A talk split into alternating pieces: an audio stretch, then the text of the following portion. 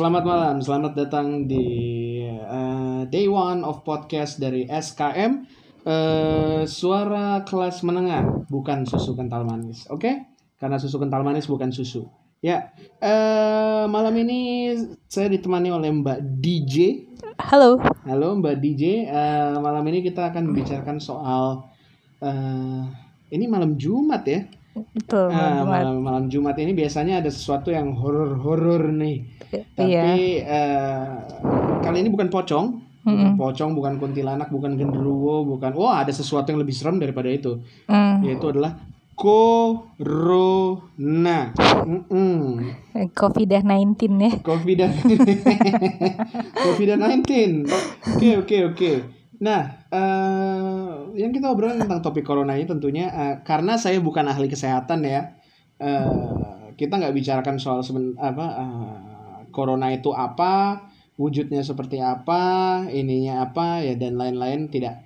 Nah, yang kita bicarakan di corona ini adalah eh, efeknya pada kehidupan sosial sehari-hari. Betul? Ya, betul. uh, ke efek dalam kehidupan sosial sehari-hari itu ada banyak ya bukan cuma apa bukan cuma masalah kita sakit kita kehilangan anggota keluarga yang sakit enggak tapi juga termasuk di dalamnya uh, apa tuh namanya kita kerja juga jadi apa tidak dapat bayaran. Yap. karena ada beberapa teman-teman yang uh, ada yang gajinya dipotong tapi syukur yang masih dipotong gajinya ada juga yang nggak digaji ya. Ya, ada juga yang pendapat terutama pekerja-pekerja kelas informal ya yang eh, pendapatannya itu bukan pendapatan tetap tapi pendapatan eh, cenderung harian. Oh iya. Oke, eh, sekarang Mbak Damai bagaimana? Eh, sebagai salah satu anggota kelas menengah, termasuk saya sebenarnya sih ya. Gitu. Saya, saya juga kelas menengah sama. Oke, oke, oke, oke. Oke, SKM ya. Gimana gimana? Karena kan kita kan ada kebijakan tuh WFH ya, work from home, kerja dari rumah tuh. Jadi pemerintah bilang nggak usah keluar eh, demi minim- minimalisir COVID-19 Betul. pe- persebarannya dan kerja dari rumah. Nah, menurut Mbak nih bagaimana nih? Oke. Apakah realisasinya itu apa eh, realita di lapangan itu mendukung untuk direalisasikan secara nyata atau justru malah eh, work from home ini menimbulkan efek negatif yang jauh lebih daripada kerja seperti biasa. Oke. Silakan. Oke, ya, sebelumnya sih sebenarnya intermezzo dulu aja ya. Oke oke sip. Ini podcast kedua kita ya. Ah, ah, Eh, ah, ah. waktu pertama kita udah pernah setiap malam Jumat itu pasti horor, Iya. ya kan? Tapi ternyata ini ada yang lebih horor dibanding horor Iya. ya. Dulu coba-coba dulu kan. Dan yang yang lama itu kayak dihapus ya, soalnya kita ngeri ada yang nuntut karena karena apa? Karena kita pakai Ah, jadi ada beberapa beberapa lagu atau Nah, itu. gitu karena memang harus pakai law ya, harus ada hukumnya, harus ada izin tertulis dan lain-lain. Hmm. Eh, Dan kami waktu itu emang belum tahu, makanya langsung kami Nah, delete kalau kan. kalau di podcast ini nanti eh, kalau kalian dengar-dengar musik itu semua musiknya dengan license ya, Iya, ada izinnya. ada izinnya. Nah, Tenang, Oke, tenang. udah punya kartu kredit sekarang ya. Nah ini masalahnya ya. ini, ini, ini, ini salah satu problem kelas menengah nih ya. Nah, Kredit, kredit bukan ya. cuma kartu kredit. Kredit itu kan pinjaman ya. Betul. Nah, dalam berbagai bentuk. Silakan, Pak. Iya, jadi eh, untuk ke menengah ya. Sebenarnya sih Hmm. gue sedih gitu kan. Hmm, sedih. Kalau kalau menengah ini sih ibaratnya tuh gimana ya? Miskin enggak, kaya juga enggak gitu. ya kan? Nah kalau gue miskin ketahuan dibantu pemerintah ya Nah, kan. betul ada paket-paket ah, gitu. banyak SK paket. SKTM ya. Heeh. Surat keterangan tanda miskin. Iya, Sampai nggak bikin? Ah, gue mau ngela- mau nyoba di dinsos, gue kayak udah diusir duluan karena gue menang gitu kan. Terus ngaku jadi orang kaya juga enggak gitu loh, Nah, iya. ya kan? Ya nggak bisa. Gaji juga UMR ya kan. Iya. Lah situ gaji UMR, saya nggak UMR. Kita ya status kita sama lah intinya lah ya. Kalau diceritain mah sedih panjang lah pokoknya. Iya, Iya, iya. jadi jadi jadi nggak enaknya itu ya buat menengah eh, gua bilang serba salah di Hmm, situasi yang kayak gini. Ya kalau gua pribadi ya untungnya aja gue memang di eh, kerja di tenaga pendidik ya. Nah, guru lah ya. Ya, ya gue sudah sebagai pendidik aja gitu kan. Iya, sama kayak saya. Eh, pendidik gitu. Jadi eh, dampaknya oh jelas ada yang tadinya mungkin sekarang nih harusnya gue udah masuk sekolah ya kan. Hmm, Tapi sekarang gue ketemu sama murid gue itu pasti ya daring ya kan. Dari online online. Heeh. Udah gitu sampai ya ujian segala macem gue lakuinnya pakai eh, apa pakai internet lah ya Internet. daring gitu kan Oh, cuma iya. kan masalahnya satu daring itu gue butuh yang namanya kuota gede Wah ya kan iya, pasti dong. Heeh. Kuota gede itu ya udah kuota gede rumah gue itu dibilang pedalaman juga enggak gitu loh tapi deket-deket kota jadi jaringan juga susah gitu kan Nah, Sementara- padahal dekat kota ya. nah sementara kita itu udah mulai lockdown eh, per daerah ya kan Iya. karantina per Karantina wilayah wilayah, betul. Heeh.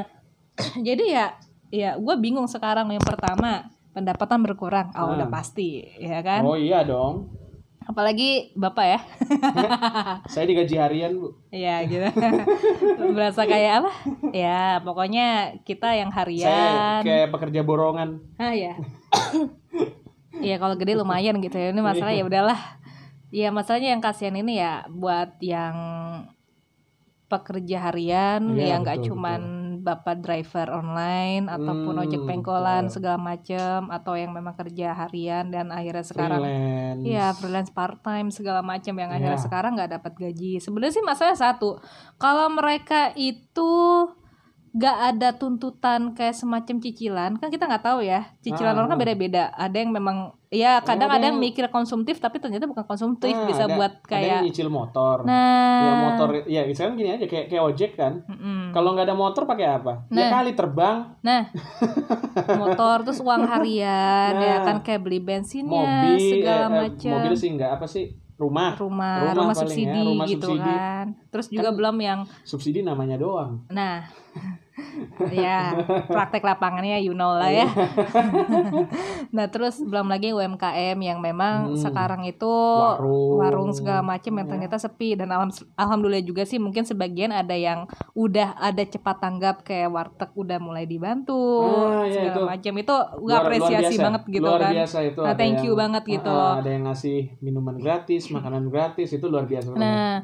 Makanya ya jadi yang memang berasa banget itu adalah kaum menengah ke bawah gitu lah ya. Mungkin yang kaya itu enak lah ya. Karena eh mereka udah punya fasilitas lebih. iya Di WFH di rumah juga ya gue juga mau kalau misalnya gue WFH rumah gue kayak rumah Kylie Jenner gitu. Wow, buset buset buset wow wow wow wow Iya, gue wow, ya, gue wow. mau gitu loh ya. Cuma masalah rumah gue rumah gue bukan kayak rumah Kylie Jenner Eh, gitu loh. Gua kalau punya rumah kayak kayak Kylie Jenner, gua nggak ngantor. WFH seumur hidup. Ya. Iya. Jadi gue bilang ya ya udah gitu kan. Terus juga eh dan yang gua nggak senang sekarang sebenarnya adalah nggak cuma situasi ekonomi kita yang panas tapi Mhm. situasi medsos juga panas ya. Oh iya. Maklum ya luar biasa. WFH jadi kan kita kan medsos kita aktif terus tuh Hmm, ya betul, Pak ya. Betul, betul, betul. Kita lihat Instagram, kita lihat Facebook, kita lihat Twitter kok rata-rata ya begitu ada begitu adanya ya. gua gua nggak tahu, gua bukannya benci pemerintah tapi gua ngerasa sekarang tuh eh, gua ngerasa ya atau Aha. mungkin gua sendiri yang ngerasa maybe. kayaknya lambat gitu loh ya. Ya nggak sih? Iya. Iya, iya. Iya, lambat. Jadi ya kayak misal lu eh, ya kalian tahu lah masalah di Wuhan itu kan udah dari bulan sebelum awal tahun malah ya Nah, sudah merebak ya. kemarin, tahun kemarin kayaknya ya, Desember No-? November akhir November. de- awal Desember Oh udah iya. mulai Puncaknya itu Januari, Januari, Maret sampai betul. kemarin kan. Betul, betul. Jadi itu itu udah mulai merebak kita kan tahu lah kan kita dekat dengan Tiongkok. Masa kita buta sih ya? Pura-pura Ya kan? buta.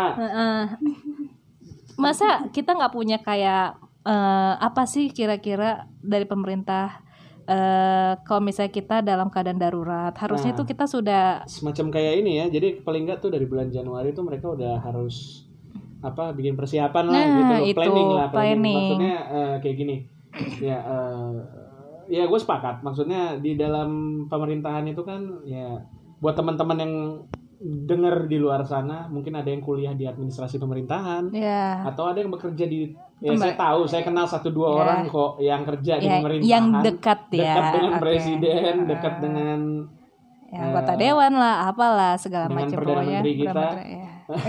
gue mau nyanyi tahan tahan. Jangan jangan jangan. Oke oke. Nanti kita disergap reskrim gimana? Eh, kepala pundak ya kepala udah udah udah.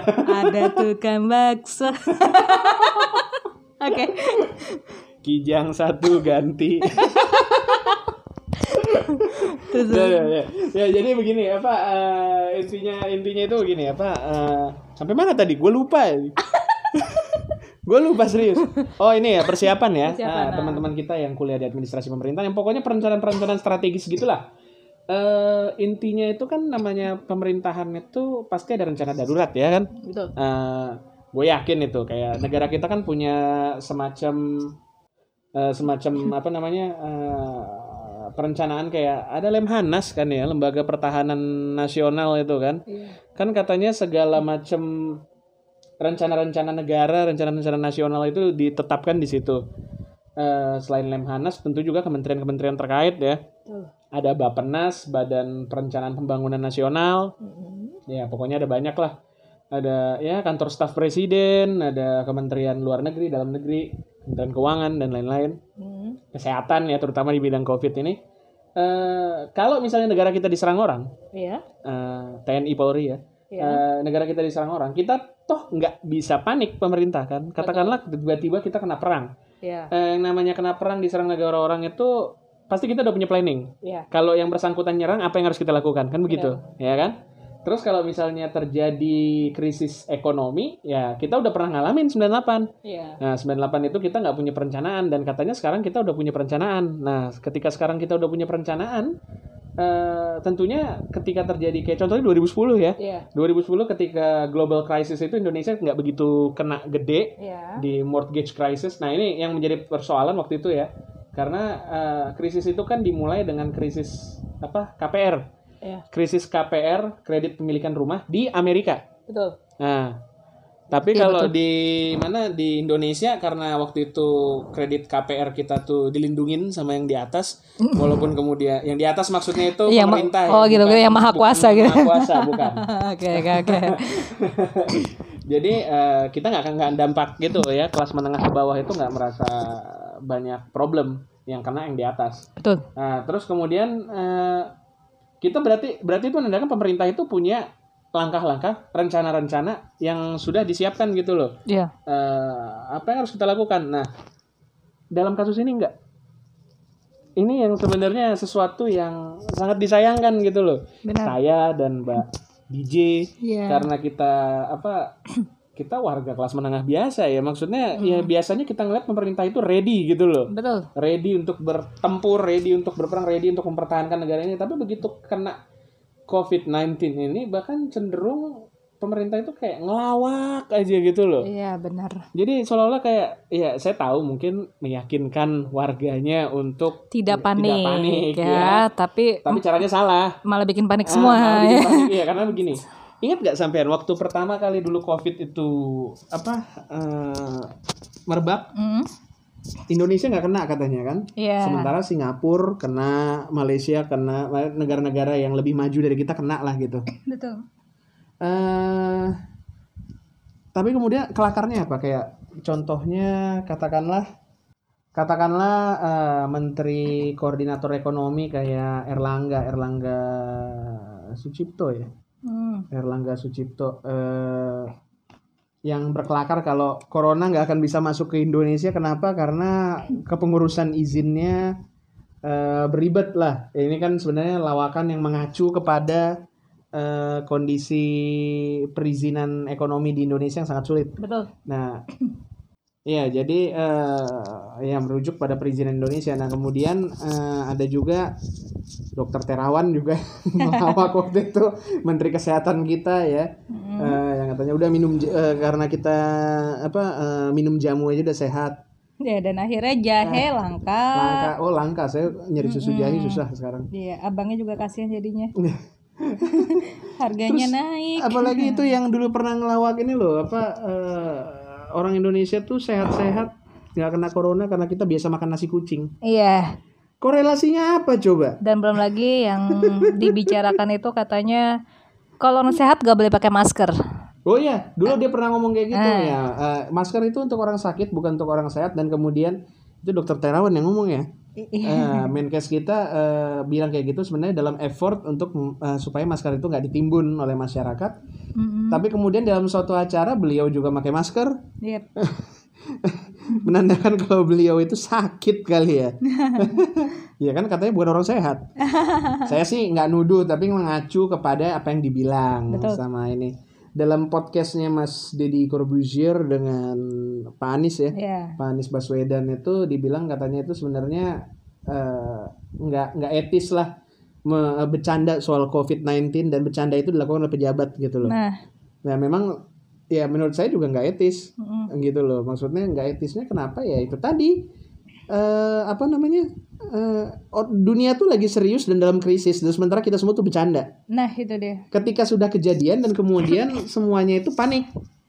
Kayak contohnya apa hand sanitizer nggak ada. eh masker, juga habis. susah. Hmm, susah dicari di apotek mana pun. Kalaupun ada, wow mahalnya. nah Yang pertanyaan jadinya, terus mana candaan-candaan pejabat kemarin itu? Apakah ada di antara mereka yang minta maaf? Nggak ada. Etikanya emang udah nggak ada sih menurut saya kalau kayak gitu. makanya Gimana Mbak Damai? Ya setuju.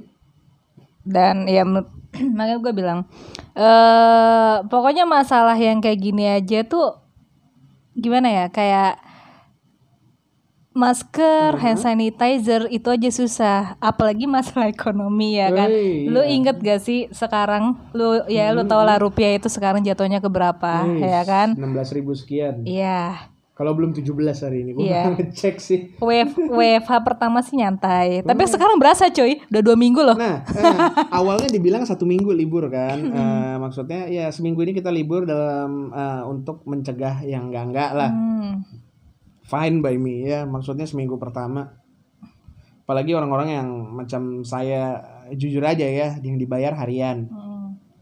Eh, kemudian minggu kedua nggak masuk. Enggak, enggak masuk. Terus setelah minggu kedua katanya eh, di minggu kedua itu dibilang dua minggu kan? Iya. Dan kemudian keluar arahan pemerintah karena saya dikerja di bidang pendidikan dan kemudian mereka bilang eh, pokoknya sekolah diliburkan sampai bulan Juni ya. Juni. Juni kan? Iya, berarti Iya. habis lebaran. Nanti katanya sih ada wacana lagi buat kita Ah. libur lagi Idul Fitri. Otomatis saya nggak gajian dua bulan. Tiga bulan kita nggak makan ya. Tiga bulan nggak makan loh. Oke, oke. Produktif nanti mulai kerja karena kebiasa tiga bulan libur jadi nggak produktif ya, jadi Iya, ngantuk. Biasanya iya. jam satu siang itu bobo ciang Bobo kayak siang. sekarang ya Tiga kan. bulan loh bayangin. Tiga bulan. Nah itu. Jadi intinya sih sebenarnya nggak apa-apa. WFH gue mau aja sih, mau banget kayak ya ada quality time sama keluarga, Hmm. Nah. jadinya segala macam. Tapi ya, Demi melindungi masyarakat juga kan nah begitu. itu. Tapi kan masalahnya satu, cicilan cuy. Nah, bayarnya pakai apa ya? Nah itu Nih, bukannya, gini.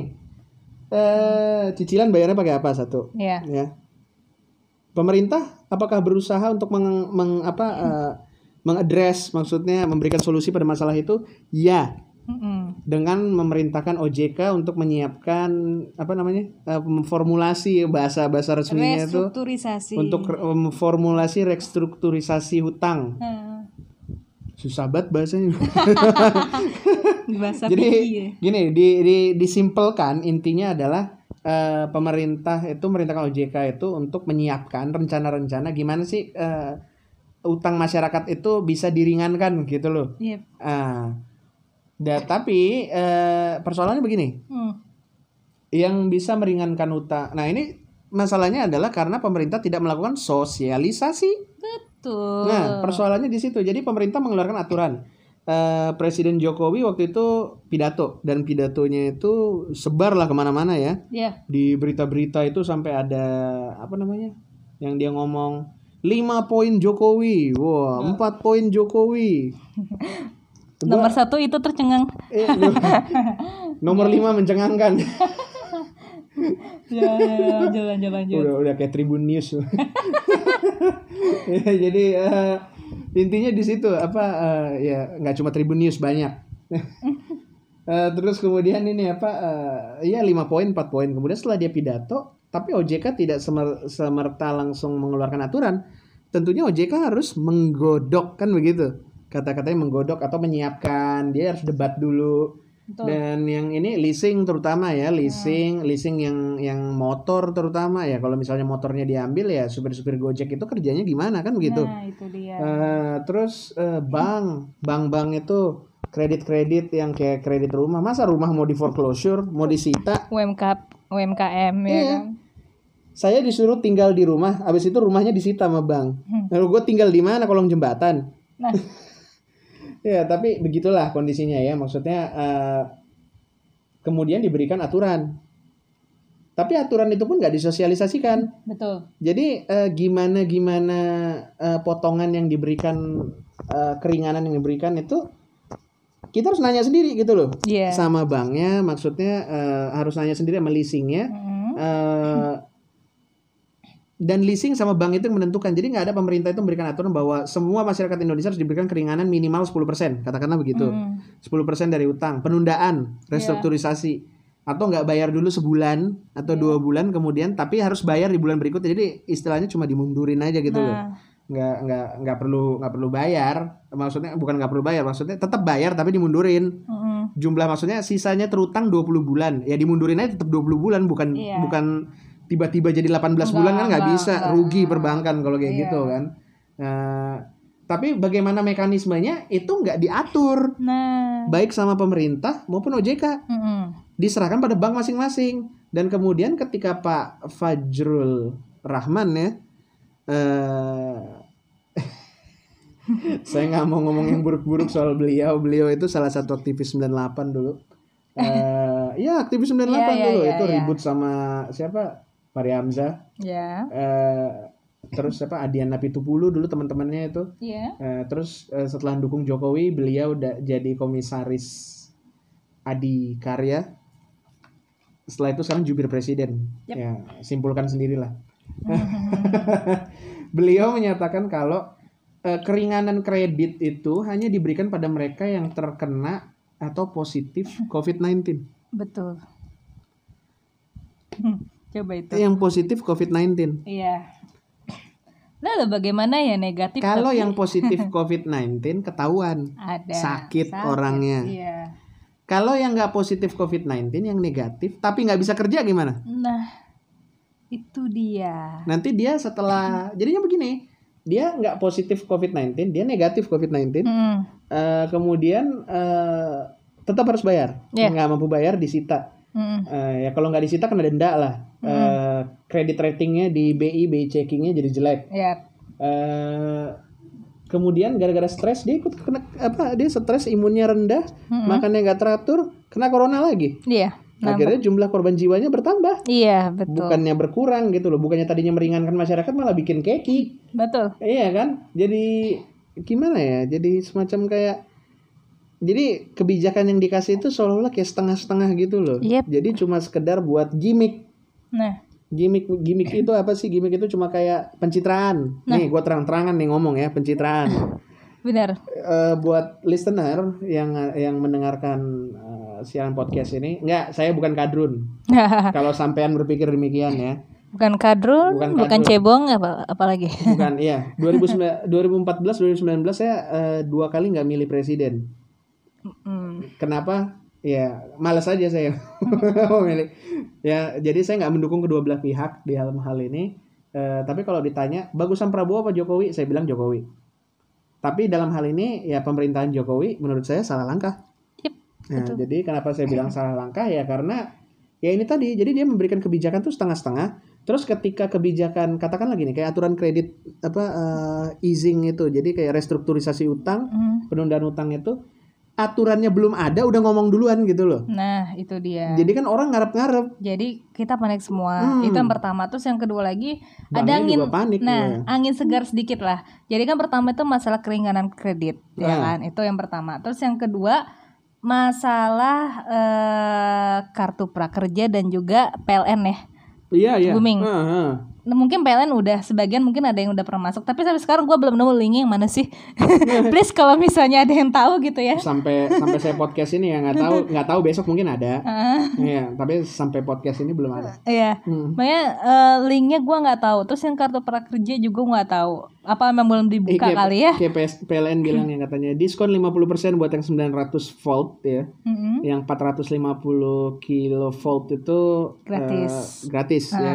Karena kan masyarakat nggak mampu. kalau 900 diskon Diskon 50%. Kayak kalau abodemen ya langsung lah diskonnya Iya. kan.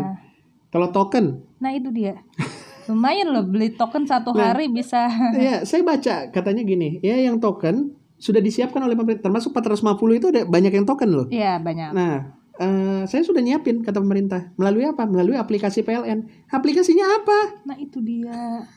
Itu sama aja kayak lu ngambil CPNS tau Iya, kita CPNS mana? Dek. Daerah khusus istimewa lah pokoknya. ya cari sendirilah di mana Ya. jadi ibarat kata iya kami memberikan aturan kami memberikan keringanan kami memberikan bantuan tapi kamu cari sendiri Nah, bukan begitu fungsi pemerintah gitu Nah, loh Nih, gi- gini ya, terus kalau misalnya nanti ada buzzer pemerintah atau buzzer-buzzer lain ya biasanya pemerintah sih yang pro ya kan. oh iya dong Kalau misalnya bilang, lagian sih males banget buat nyari, cari dong. Oke bang, mbak, minta dong. Gue sih gitu aja. nah ya mungkin lu enak dibayar. Hmm. Lu menengah kayak gua dibayar lah kita. Ya. menengah nggak dibayar Nah, jadi bingung. Pertama, di masa-masa susah kayak gini lebih enak jadi orang miskin daripada orang menengah nah itu. Eh, gue bukan jelek-jelekin orang miskin ya, maksudnya ah. eh, orang-orang yang miskin kelas bawah yang kekurangan dan lain dan lain hal ya, Ya, yang nggak kerja segala macam, eh, hidup mereka tuh susah. betul. Tapi mereka punya SKTM Mm-mm. Ada klaim lah ya kalau Iya. tidak mampu gitu. dan kemungkinan besar kalau mereka itu di kelas bawah, mereka juga nggak akan punya utang, Mm-mm. nggak akan karena siapa yang mau minjemin, Betul. kan begitu. Paling fintech ya. Eh, itu juga nggak mau, lu pekerjaan lu apa kan kalau lu miskin. Ah, Nah, tapi karena itu yang menengah, Iya. iya. yang kejepit di tengah itu loh maksudnya eh, saban hari lalu ada buzzer yang ngomong katanya kelas menengah tuh nggak terdampak kenapa karena masih punya tabungan lo kata tabungannya cukup Nah, lo punya 50 juta juga tabungan dua bulan kayak begini keadaan negara habis iya. Betul. habis lo punya 50 juta apalagi nggak punya Nah, yang lo hidupnya tuh paycheck to paycheck gitu loh maksudnya Iya. paycheck to paycheck itu apa gaji ke gaji iya. nggak gajian nggak makan Nah, nggak bisa nabung Mm-mm. kenapa nggak bisa nabung ya karena bahan-bahan pokok sehari-hari tuh mahal benar. Ya lu sadarin aja dolar itu dari dari sebelum krisis aja empat belas ribu. Iya. Coba. Makanya gue juga itulah. Makanya eh, dari awal ini gue ngerasa sih kayak misalnya gue nggak mengkritik banget pemerintahan Mm. Pak D sekarang, Pak D Jokowi ya. Eh gue cukup senang dulu dengan periode pertamanya karena saya anggap mampu Ya ada sesuatu lah yang Ah, dikerjain ada gitu loh. ya infrastruktur kita jalan Hmm. segala macem No offense Pak SBY, no offense. Heeh, Eh, bukan. Cuma pemerintahan kedua Iya. Bapak kurang Iya. lebih sama kayak pemerintahan kedua nah yang ini. ya pas kedua ini sama apalagi ya ya curhat dikit lah ya Hmm. gue juga termasuk pendidik tapi non ASN ya kan non-ASN. non ASN Swasta, swasta. swasta walaupun kerja di negeri tapi kita swasta, ya Swasta ya, pokoknya non ASN aja, swasta. Eh, ya gue berterima kasih juga sama ya di provinsi gue masih ada Masih mempertahankan masih mempertahankan gitu ya? kan nasib-nasib gue dan teman-teman gue dan yang lain lah ya Betul, yang betul. sejawat ya seperti ya kalau misalnya pusat ya lo tahu sendiri lah kayak gimana. Kita dikasih waktu kok lima tahun buat ikut CPNS dan sekarang 2020 aja CPNS sudah mau ditutup ya Iya. karena covid kan. Anggap aja lu punya tiga tahun lagi. ya udah gitu lah. Nih, kalau nggak bisa out. ya gitu nah permasalahan kan itu kan ya kasihan ya mungkin gua nggak berdampak eh berdampak betul tapi jalan gua Ya, masih karena panjang Maksudnya Nah, ya lu masih ada sedikit umur lah. gua masih Ah. mencukupi untuk kayak pekerjaan lain memang Hmm. tapi kan yang kasihan itu adalah yang udah berumur yang paling ke umur 45 tahun ke atas Hmm. sementara CPNS saja 35 tahun pak Tiga- ya kan Terus honorer dihapuskan. Udah honorer dihapuskan terus kena kejadian kayak gini. Nah, terus ditambah lagi tadi gua dapat kabar ya dari salah satu akun Instagram pemerintah kalau misalnya eh tuh gue terima kasih sebelumnya sama tenaga medis ya, terutama eh, perawat, Hmm, dokter hmm, yang udah benar-benar kerja mati-matian sampai Hmm. 13 jam buat ngerawat pasien COVID ya kan. Tapi di situ ada statement sebelumnya di akun pemerintahan kalau misalnya bagi dokter atau perawat yang ASN yang katanya jebasannya tewas loh, harusnya gan tewas ya. Gugur. Gugur. Gimana sih itu? Siapa sih kumparan apa apa? BKN. Oh, gue nyebutin. oh, Gak boleh ya. BKN. Iya. ya. Koreksi nih ya, mohon admin sosial medianya itu dikemplang aja kepalanya. Nulis kok sembarangan. Iya, pokoknya yang gugur dalam musibah ini akan dapat pang, eh, apa sih penghargaan Anumerta. Pangkat kenaikan Pangkat- pangkatan Nah. Anumerta ya. Oke. Kayak Cuman polisi meninggal dalam tugas, tentara meninggal Iya, dalam tugas betul. ya. cuman di sini adalah yang ASN. Dan yang Hmm. non ASN gimana? Dokter yang masih belum statusnya PNS, Nah, terus perawat, Perawat, yang belum statusnya PNS dan gua tahu pasti perawat honorer ini banyak banget cuy. banyak. Volunteer? volunteer juga Hmm. otomatis. Nah ini gimana? Diberikan kompensasi kah? Nah, Eh katanya ada kompensasi kalau mati, tapi nggak tahu buat siapa ya. Buat PNS atau bukan? Kemungkinan buat PNS sih. Katanya kalau kalau meninggal, kalau gugur dalam tugas itu ya dikasih 300 juta. Nah ini satu klaimnya seperti apa? nah jangan sampai nanti berbelit loh, 30 kasihan. tahun. Nah, Terus dibayarnya 300 juta. Eh, terus ada aja kerjanya gitu loh, Mi. iya. Eh, apa eh, gitu loh. Nih ya, eh, jadinya eh 300 juta nih. Mm-mm. Tapi nggak nggak sekaligus dikasih. Ya bertahap. Iya. Setahun sekali ngasihnya. Hmm. Tiap tahun sejuta. Ya, Itu keturunan keberapa baru dapat semuanya? coba itu ya. Atau sebulan sekali sejuta? Nggak bisa seperti itu. Orang matinya sekarang kok. Nah, itu Nah. dia. Makanya itulah eh Gue malah ngomong mati ya lagi. kan. Yang gua nggak senangnya kenapa gua bilang dari awal tadi ya suara kaum menengah Ah, segala macem SKM, Ah, SKM. terus juga eh, apa? Kenapa kita bilang pemerintah itu yang pusat terutama ya Ya. lambat kok sepertinya lambat ya kan terutama masalah lockdown lockdownan ya Oh iya. karantina wilayah segala macam iya perlu tapi masa karantina wilayah sementara sebelum sebelumnya WNA asing boleh masuk Nah, gua seneng tadi ada berita wa, apa wali kota wali Sorong kota Sorong ya di Papua. Mm-mm. Wali kota Sorong di Papua itu, gue baru lihat berita ini maghrib ini ya. Hmm. Eh, dia bilang, saya mau lockdown seluruh kota Sorong. Bukan mau, emang udah dilakukan sama dia lockdown ya. Hmm. Lockdown itu bukan berarti lu dipaksa di rumah, enggak. Mm-mm. Eh, toko-toko masih buka, pusat perbelanjaan masih buka, apotek buka, tetap. Tapi bandara tutup, Mm. pelabuhan tutup. Dah, selesai. Akses masuk tutup. Mm-mm. kecuali mungkin buat barang-barang yang masuk ke situ ya kayak misalnya eh, bahan pokok dan lain-lain lah itu boleh Betul, masuk. boleh Nah, masuk apa yang dibilang sama wali kota Sorong? Karena kan eh, wali kota Sorong itu udah pasti bertentangan dong dengan Iya, kebijakan pusat. bapak eh, pusat bapak perdana menteri kita, Lord Lord Eh, hmm. Pak Luhut. eh Iya maksudnya yang diprakarsai oleh Pak Luhut ya. Eh, contohnya kayak Pak Luhut itu eh, kayak waktu itu Organda, BPTJ dan Kemenhub dulu sudah sepakat untuk tidak apa namanya tidak memperbolehkan mudik yep eh, di mana tidak boleh tidak memperbolehkan mudik tapi kemudian oleh Luhut di reverse Iya. dibalik kebijakannya jadi harus mudik karena nanti takutnya ekonomi hancur. iya Nah, eh, sama kayak yang di Sorong pasti ini bertentangan karena kan pemerintah pusat eh, di mana Pak Luhut, Pak Jokowi, Pak Tito, terus kemudian Mahfud MD, Pak Erlangga dan juga eh ya itu doang ya. Eh, mereka-mereka ini eh, Pak Muhajir ya. Iya. eh, itu semuanya adalah bagian dari Bu Sri Mulyani, bagian dari Pak Dr. Terawan, pemerintah eh, yang berusaha mencegah untuk supaya ekonomi nggak jatuh Hmm. dengan cara tidak melakukan lockdown. Tapi selama tidak melakukan lockdown, maka korban jiwa terus bertambah. betul Nah, sementara wali kota Sorong mengambil kepentingan itu melindungi warganya dulu, iya karena dia eh, pemimpin lokal Iya. daerah kan, eh, wali kota dia. Hmm. Dia bilang, saya bersedia di penjara, mau Hmm. setahun kayak mau lima tahun. Nah, mungkin eh, listener pendengar di rumah bilang, oh cuma lima tahun aja belagu. Begini, kamu kalau di penjara lima tahun, karir politikmu selesai iya kamu nggak akan bisa ngelamar apa pun kalau di penjara lima tahun ya termasuk kayaknya kayak Ahok itu Hmm. eh, dia nggak bisa jadi apa menteri Iya. jadi presiden karena pernah di penjara dengan hukum meskipun dia cuma di penjara 2 tahun tapi tuntutannya lima tahun. Iya. Nah itu kalau udah dituntut lima tahun kayak gitu secara legal anda nggak bisa berpartisipasi di bidang politik yang berbau eksekutif. Hmm. nah eh, kemudian dia bilang saya bersedia. Penjara penjarain aja. Ya kan? Hmm. penjara penjarain aja. Yang penting warga saya selamat. Nah itu itu harusnya yang dilakukan oleh pemerintah. Bang. nah. Biar aja saya dihujat. Iya. Bodoh amat gitu loh yang penting warganya selamat nah, yang penting warganya Terus selamat ekonomi di dalam eh, kotanya sendiri juga masih aman gitu Nah. kan. Dia hanya menutup orang asing saja yang Nah. masuk ke sini gitu loh. kayak dulu siapa eh, wali kota Solo juga tuh yang tempat kelahiran Pak Jokowi eh, Pak Fra- Pak FX Rudiatmo Hmm. Wali kotanya juga bilang waktu dulu dia bukan bukan lockdown sih tapi membatasi gitu ya Hmm. ketika ditanya Pak emangnya nggak takut kalau misalnya orang-orang itu nanti bakal ngomongin yang enggak enggak soal bapak gitu terutama buzzer buzzer itu kan Iya. Pak Rudiatmo ngomong apa?